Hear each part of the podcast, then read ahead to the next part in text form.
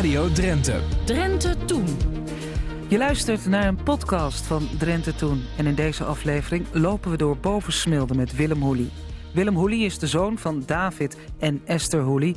En samen met zijn broers, zussen en ouders... waren zij het eerste Molukse gezin in Bovensmilde. Het is niet de average white, dit is wel pick up the pieces van Candy Dulver. En als je dat aan de generatie van nu vraagt, dan zegt iedereen, ja, dit is Candy Dulver. Maar helemaal niet, want dit is eh, Average White Band. En waar hebben ze gespeeld? Hier in Bovensmilde. Ik was erbij, tegen 12 en op een gegeven moment was het donker en het podium stortte in. Nou, Average White Band in Bovensmilde 1973. Willem Hoelie groeide op in Bovensmilde en hij ging er weg. Maar hij kwam ook weer terug in dezelfde straat waar hij vroeger als kind woonde. In Bovensmilde hebben ze een verhalenroute uitgezet. Een verhalen die heeft Willem volop. Nou, we, lopen even een stukje die kant op, want daar is het. eh, eh, dan begint het verhaal eigenlijk. Eh, dan, dan begint het verhaal van 50 jaar geleden natuurlijk, hè? 50 jaar geleden werd, werd dit, dit gedeelte van Bovensmilde gebouwd. En de mensen die hier wonen, zijn allemaal, eh, zeg maar, Molukkers die uit het kamp Schattenberg kwamen. En, en dan zou je denken, ja, nou, leuk is dat. Het leuke is namelijk, of het, het mooie verhaal daarvan is dat je hebt mensen die eigenlijk in Schattenberg geboren zijn, eigenlijk nooit ergens anders zijn geweest en dan in Bovensmilde. Dit, dit, het, het, het hele dorp is gewoon zo homogeen. Het zijn mensen die gewoon eh, eh, ja, van de ene plek naar de andere plek zijn vervoerd. En, en, en ja, heel erg homogeen. Ik denk, je zit, je zit toen de tijd nog in de periode dat iedereen dacht van ja, het is tijdelijk. Het is tijdelijk. En eh, het, leuke wat je daar, of het leuke is, het is niet leuk, maar wat je dan ook krijgt is namelijk, als bevolking word je weer geacht om regels op te volgen. Dan moest je maar weer verhuizen. Is het niet naar een wijkje in Assen, dan moet je maar naar Bovensmilde. En dat is dan weer eigenlijk als je in de geschiedenis kijkt. Je hebt eigenlijk eh, in die tijd, mensen hebben nooit dus zelf de keuze kunnen maken waar ze naartoe willen gaan. Of het was gewoon opgelegd eh, van bovenhand. Eh, je komt aan in Nederland, eh, gaan jullie maar naar Schattenberg toe. En na 20 jaar, 20 jaar, nou ja, tijdelijk verblijf, nee, dat is toch wel een beetje langer dan tijdelijk. Dus weet je wat, ga maar in wonen, wonen in Bovense Beelden. Dus het was ook niet zo, we zetten de poorten open, jullie zijn vrij om te gaan. En dat je dan in je eentje ergens zal gaan wonen, waar je maar wilde wonen. Jullie werden als groep, ja, als het ware overgeplaatst. Je werd als groep overgeplaatst, ja. En sterker nog, ehm, kijk, Bovensmilde bestaat uit eh, de groep Molukkers die eh, eh, vanuit dezelfde kerkgemeenschap komen. Een, eenzelfde politieke kleur hadden, die werden dus hier neergezet. Mensen die een andere ja, idee hadden van hoe de wereld eruit zag, nou, hoe de wereld eruit, een andere politieke keuze hadden, die, die, die werden dan gescheiden. Die gingen naar bijvoorbeeld een andere wijk in Assen. Dus zo werd ook bepaald van, nou ja, wie hoorde bij wie en wie ging met wie naar Bovensmilde of naar Assen toe. En natuurlijk de leidinggevenden van eh, toen de, de, de, de kampraden en zo, die hebben natuurlijk ook wel een, een aandeel daarin om te, ervoor te zorgen dat, ja, nou, we moeten gewoon als groep moeten we homogeen blijven. Met wie ging jij hierheen en hoe oud was je toen? Nou, met mijn, eh, eh, met mijn ouders en ons hele gezin bestaat uit acht man. En ehm, wij waren het eerste. We waren de eerste bewoners van, van, van de wijk, De familie Hoelie. de familie Hoelie. En ehm, dat was in oktober 1969. De eerste groep die kwam twee maanden later aan. En dat moet je je voorstellen. Ik bedoel, het is nu helemaal volgebouwd. Eh, echt, echt een typische woonwijk. Maar toen we hier kwamen, dat was de helft. Je kon nog echt letterlijk en figuurlijk over de weilanden heen kijken. Er stond een schooltje. Eh, de woning waar wij in verbleven, die was er. En het was oktober, dus dat kun je je voorstellen. Oktober, november, dan is het eh, half zeven, dan is het pikken donker. Eh eh, lantaarns waren er nog niet. de bestrating was nog niet klaar. En dan, dan zat je daar. En, en wij waren, wij waren ontzettend veel bekijks waard natuurlijk. Hè? Ja, kwamen mensen naar jullie Nou kijken? ja, zondagmiddag, hè, dan, dan lopen dus hier gewoon groepen eh, eh, eh, mensen uit, de- uit naburige wijken hier, het Nederlandse wijk, die komen gewoon even kijken. En, en bijna door de ramen gluren van, nou wat zijn dat nou voor mensen en, en wie zijn dat nou en waar komen ze nou vandaan? En ik heb wel het gevoel dat toen zij nog niet eens een kleurling hadden gezien, dat, dat gevoel had ik. Ik zat toen op de openbare school. Want we staan hier op de kruising Jasmijnstraat, Magnoliastraat. Voor ons, ja, nou ja Molo Uku hier, een soort, soort brink, zeg maar, midden in Bovensmilde. Een eh, monument waar jij zo meteen nog wat over kunt vertellen. Maar hier stond dus jouw kleine schooltje. Ja, daar stond mijn kleine schooltje. En samen met mijn twee broers zaten we op de school. En ik kwam binnen, toen zat ik uh, in, uh, ja, dat is de vierde klas, hè, toen de tijd. En, nou ja, kinderen vroegen naar mij van ja, hoe slapen jullie dan? En uh, kan je ook hard rennen? En, en wat eten jullie dan? Kijk, als je dat nu over zou hebben, anno nu 2020, denk je, jeetje mina man. Maar ja, dan praat je over eind 69, begin jaren 70. Dus de wereld was nog ontzettend klein. Kun jij je herinneren hoe je ouders het hebben ervaren, die, die periode?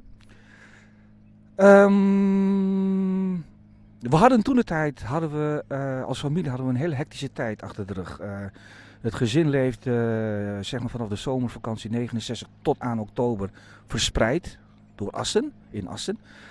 samen met mijn twee jongere broers en ik verbleven met mijn ouders bij, bij een nicht van mijn moeder.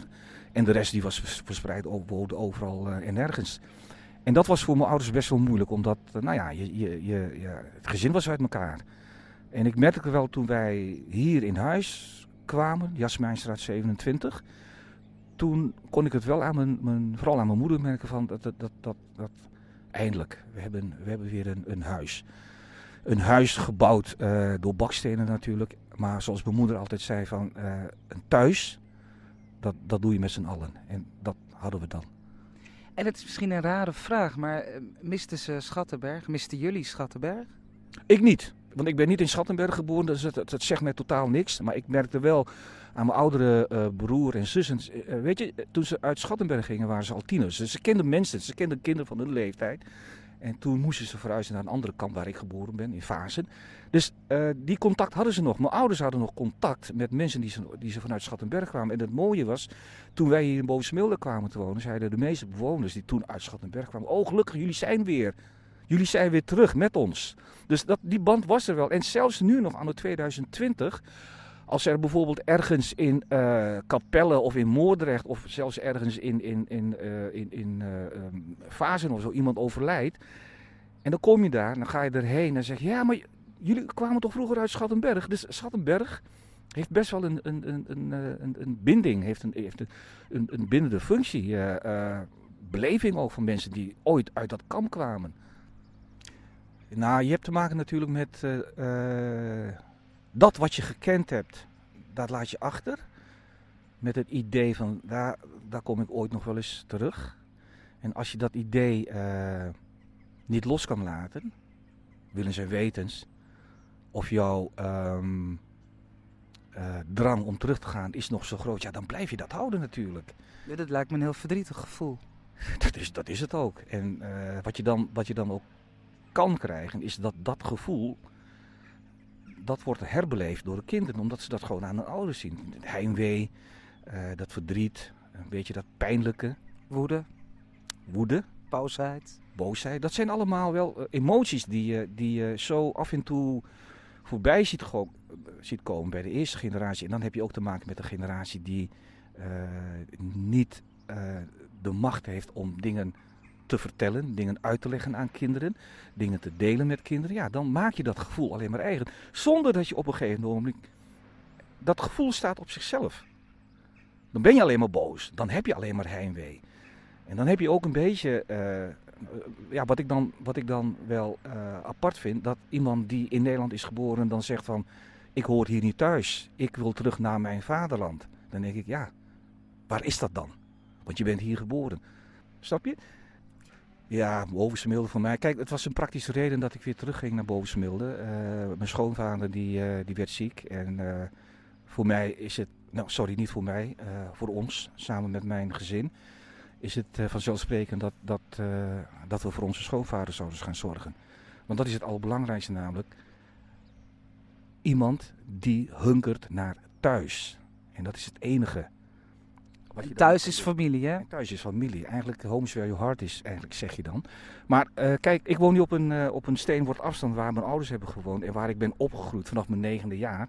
Ik ben twintig jaar tussenuit geweest eh, en dan weer teruggekomen. Maar in het ouderlijke huis, daar woont mijn oudste zus nog. En het heeft altijd nog, tot nu toe nog steeds de functie van eh, ouderlijk huis. Als er wat is, dan, dan gaan we naar mijn oudste zus toe. Dan, dan bespreken we dingen. Neven en nichten, die, die weten nog van ja, dat is, dat is waar opa en oma hebben gewoond. En, en een hele leuke eh, eh, anekdote is, eh, zeg maar de neven en nichten, de kinderen van mijn broers en zussen en mijn eigen zoon, die hebben allemaal een, een, familietattoo. op een schouder of op een arm. Of, en dat familietattoo is een, een bloem. En de cijfer 27, namelijk bloem, dat is een jasmijn. En 27 is de. Is de en zo hebben zij hun, hun, ja, hun, hun herkomst eigenlijk. Waar ze vandaan komen. Jasmijn staat 27 in Bovensmilde. Dat hebben ze eh, met hun generatie gedeeld.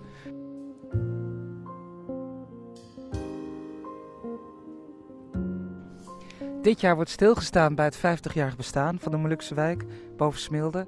Eh, niet de eerste wijk in Nederland, maar wel een van de jongste. Eh, ehm, wat, wat, wat hebben jullie allemaal gedaan en wat ga je nog doen, Willem? Nou, we hebben eh, zeg maar vanaf oktober 2019 zijn we begonnen met wat activiteiten. Nou, een van die activiteiten is dat wij een soort van eh, verhalenroute hebben uitgezet midden in de wijk. En die verhalenroute, daar kun je dus met bezoekers eh, kan je, kan je rondlopen en, en, en vertellen over wat voor specifieke dingen de wijk heeft. Die verhalen willen we ook delen met de twee basisscholen in, in zodat ook de jeugd weet van, nou ja, je hebt te maken met een gemeenschap die, die, die een, een bepaald soort geschiedenis heeft. Nou, en verder hebben wij in de, een van de bijzalen van, van het wijkcentrum Moluku hebben wij een soort van eh, expositieruimte hebben we, eh, ingedeeld. Met allerlei verhalen, anekdotes en, en, en, en dingen wat, wat over de wijk gaat. eh, geschiedenis eigenlijk. verder hebben wij een aantal verhalencafés georganiseerd. waarin we met bewoners, ex-bewoners, eh, mensen die een, een band hebben met, eh, met de Molukse wijk in Bovensmilde. eh, gaan we terug in de historie. Gaan we op zoek naar verhalen, anekdotes die, die we met elkaar kunnen delen. Want het mooie van verhalen is, kijk, het, het, je hoeft er niet over te, te discussiëren. Een verhaal is een verhaal, dat is persoonlijk. Je kan het delen. En met het delen van die verhalen kan je in ieder geval uh, inzichten meegeven van hoe, hoe iemand gewoond heeft, uh, wat hij allemaal heeft meegemaakt. En dat zijn natuurlijk ook verhalen die er, die er uh, ja, misschien treurige verhalen, maar ook hele mooie, leuke anekdotes bijvoorbeeld. Uh, nou ja, dan kunnen we zo meteen wel even een, een rondje maken en dan, en dan, en dan eh, komen we die verhalen wel tegen. Nog even over het monument hier, dat is een schelp, lijkt me. Wat, het monument, ja, dat is een, uh, een, een, een, schelp, een, uh, ja, een tritonschelp noemen ze dat geloof ik. En uh, die, die staat op een, een tifa, dat is een, een soort slagwerk, een, een trommel. En um, daarmee wordt eigenlijk een beetje het symbool gegeven van dat dit het centrum is van het dorp. En wat er altijd gebeurt binnen de Molukse samenleving. Als er iets gebeurt, belangrijk, nieuws, wat dan ook, dan wordt die tritonschelp gebruikt. Uh, wordt erop geblazen, wordt er op de trommel geslagen om mensen bij elkaar te roepen.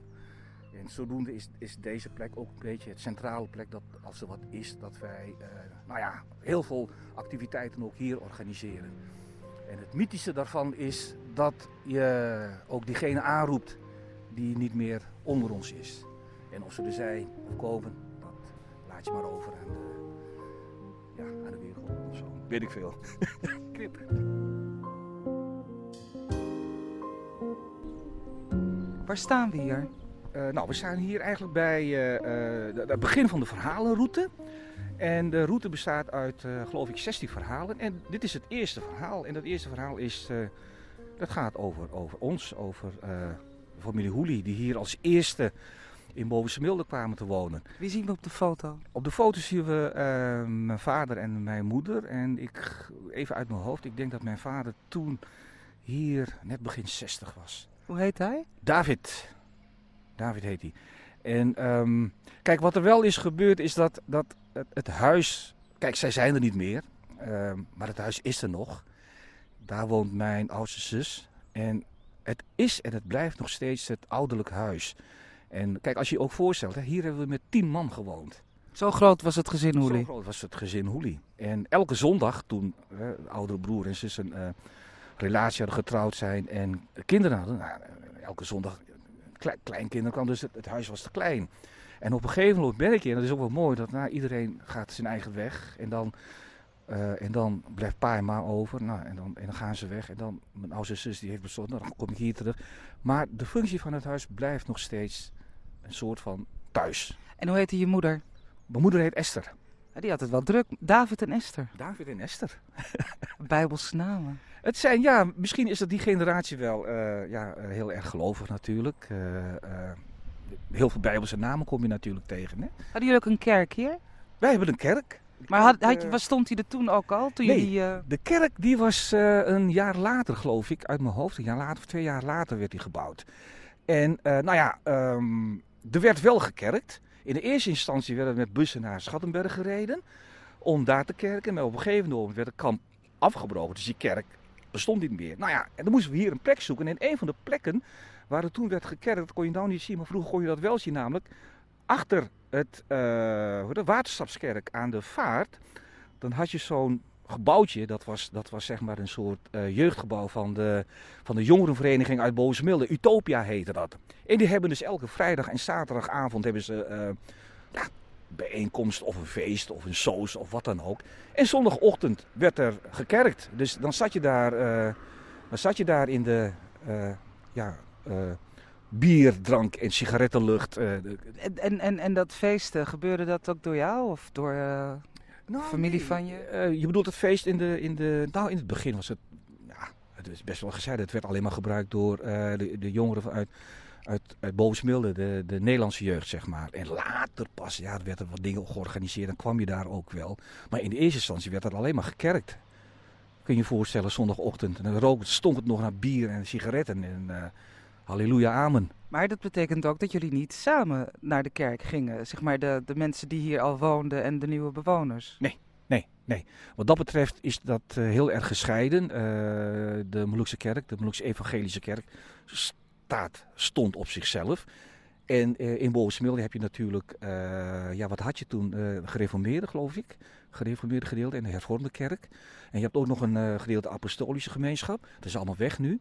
Uh, pas de laatste paar jaren nu is er wel een soort van samenwerking uh, tussen, tussen de verschillende kerken. Het mooie is bijvoorbeeld dat, uh, nou ja, afgelopen najaar werd, werd de Molukken, die werd geteisterd door, door, door aardbevingen.